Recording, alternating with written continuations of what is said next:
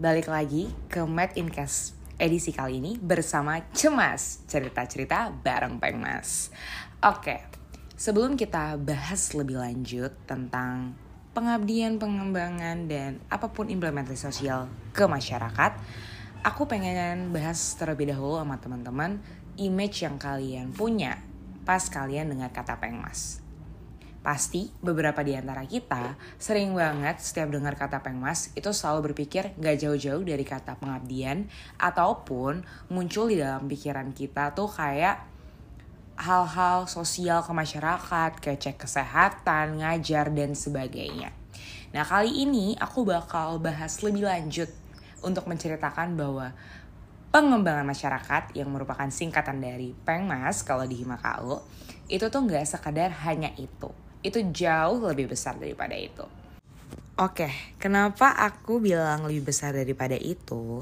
Karena mungkin dari teman-teman selalu melihat bentuk pengembangan ataupun pengabdian masyarakat itu sifatnya pasti ngeliat kalau pada hari hanya aja atau misalnya teman-teman ngelihat ataupun ngebayangin nih Pengmas tuh kegiatannya pasti cek kesehatan, ngajar gitu.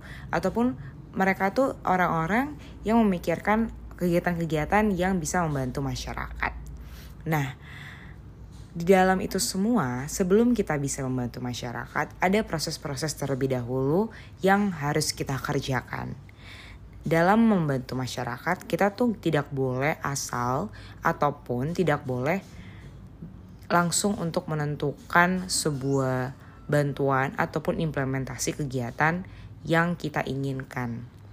Sebaiknya dalam implementasi sosial kita ke masyarakat, kita perlu adain analisis masalah sosial terlebih dahulu.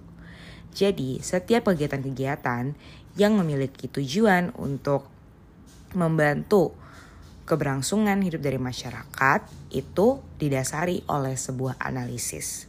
Nah, analisis yang dimaksud itu seperti apa? Jadi sebagai contoh, mungkin dari teman-teman Himakau udah pernah tahu ataupun melihat bahwa Pengmas pernah melakukan kegiatan yaitu mengedukasi masyarakat untuk membuat pupuk organik cair. Nah, untuk memperoleh ataupun mengadakan kegiatan tersebut itu tidak terlepas dari analisis.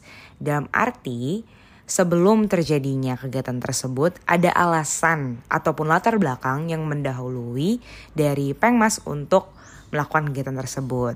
Contohnya adalah untuk kita mengadakan kegiatan edukasi pupuk organik cair, pada tahun-tahun sebelumnya sudah dilakukan survei ataupun health assessment di mana pada saat itu kita menemukan bahwa masalah pada sebuah komunitas ataupun desa yang kita bina itu adalah mereka tidak dapat mengelola sampahnya dengan baik sehingga lingkungan di sekitar tersebut menjadi tidak sehat. Nah, untuk itu supaya kita bisa membantu mereka dalam jangka yang panjang atau bantuan yang kita berikan itu dapat diterapkan hingga waktu yang lama, kita menganalisis masalah tersebut dan melakukan brainstorming, yaitu pemecahan masalah apa yang bisa kita bantu agar masyarakat terhindar dari masalah yang sudah mereka nyatakan sebelumnya pada saat kita melakukan survei. Nah, maka oleh itu kita mengusulkan untuk mengadakan acara untuk mengedukasi mereka menggunakan ataupun membuat pupuk organik cair. Nah, sebelum membuat pupuk organik cair, kita juga mengadakan edukasi terlebih dahulu bagaimana cara memilah sampah yang benar dan sampah-sampah apa saja yang bisa dipergunakan untuk membuat pupuk organik cair. Nah, oleh karena itu kita makanya bisa untuk membuat bantuan yang kontinual kepada masyarakat tersebut. Jadi, kalau dibilang pengembangan ataupun pengabdian masyarakat di mata kita itu tidak hanya melaksanakan program kerja yang akhirnya kita intinya bukan untuk hanya sekedar membantu saja, tapi oleh karena itu kita harus tahu masalahnya terlebih dahulu agar bantuan yang kita berikan itu tepat sasaran. Nah, membahas itu semua, kita sebagai mahasiswa kedokteran mungkin sering banget nih berpikir, ih selain mengikuti organisasi-organisasi seperti Pengmas ataupun organisasi lain yang bergerak dalam pengembangan masyarakat, aku bisa ngelakuin apa aja sih selaku mahasiswa kedokteran? Sebenarnya banyak.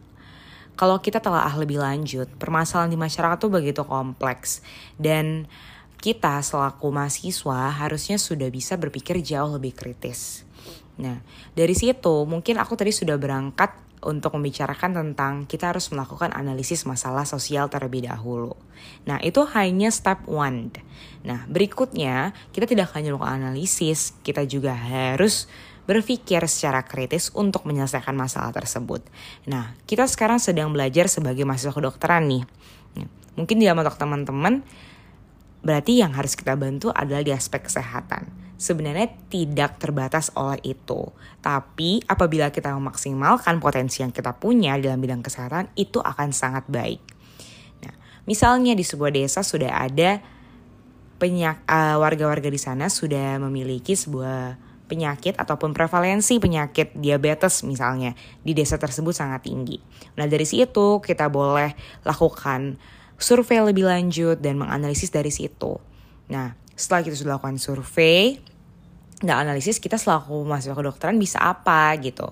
Nah, di situ kita membantu nih, kita cari pencegahan-pencegahan yang baik untuk penyakit DM tuh apa. Nah, untuk membantu masyarakat yang sudah terkena itu kita kasih apa. Nah, karena kita masih di dalam tahap esket ataupun masih dalam masa preklinik, Nah, yang kita bisa bantu sekarang adalah membantu mengedukasi dalam lifestyle modification ataupun uh, kita mengedukasi lebih ke arah bagaimana sih perubahan gaya hidup yang benar yang bisa dilakukan oleh penderita-penderita DM. Nah, ataupun kita bisa nih menjadi seorang yang menghubungkan. Nah, dalam arti karena kita belum memiliki kompetensi lebih lanjut untuk memberikan pengobatan dan lainnya, kita bisa menjadi jembatan bagi masyarakat dan juga dokter-dokter ataupun ahli ataupun profesional dalam rumpun ilmu kesehatan untuk bisa membantu dalam penanganan masalah dari warga tersebut. Nah, mungkin teman-teman bertanya-tanya, kalau misalnya di sekitar kita itu kurang media untuk mengembangkan jiwa sosial kita, jadinya kita mau berbuat ke masyarakat tuh gimana? Nah, kalau masalah kurang, itu tergantung usaha kita nih sebenarnya. Karena kalau ingin mengabdi kepada masyarakat atau mengikuti kegiatan sosial, itu dituntut juga keaktifan kita selaku manusia. Nah, misalnya apa? Dari kita tuh sering mungkin untuk mencari di bagian Instagram seperti cari akun-akun yang sering share tentang volunteering atau mungkin di berbagai organisasi kita kalau ada broadcast tentang volunteer kita langsung ikutin aja. Nah mungkin uh, kita kadang sering nih pilih-pilih kayak kayaknya volunteeringnya kurang asik atau apa pun alasan-alasan yang melatar belakang kita untuk menolak tawaran-tawaran ataupun broadcast-broadcast yang kita terima. Nah untuk memulai untuk mengabdi kepada masyarakat sebenarnya kita mulai dari hal-hal sederhana atau hal kecil dulu aja nih teman-teman. Nah kita lakuin segala kesempatan yang udah diberikan. Nah baru setelah itu kita boleh nih mulai pilah-pilah kegiatan-kegiatan mana yang sekiranya menurut teman-teman itu lebih bermanfaat dan menarik.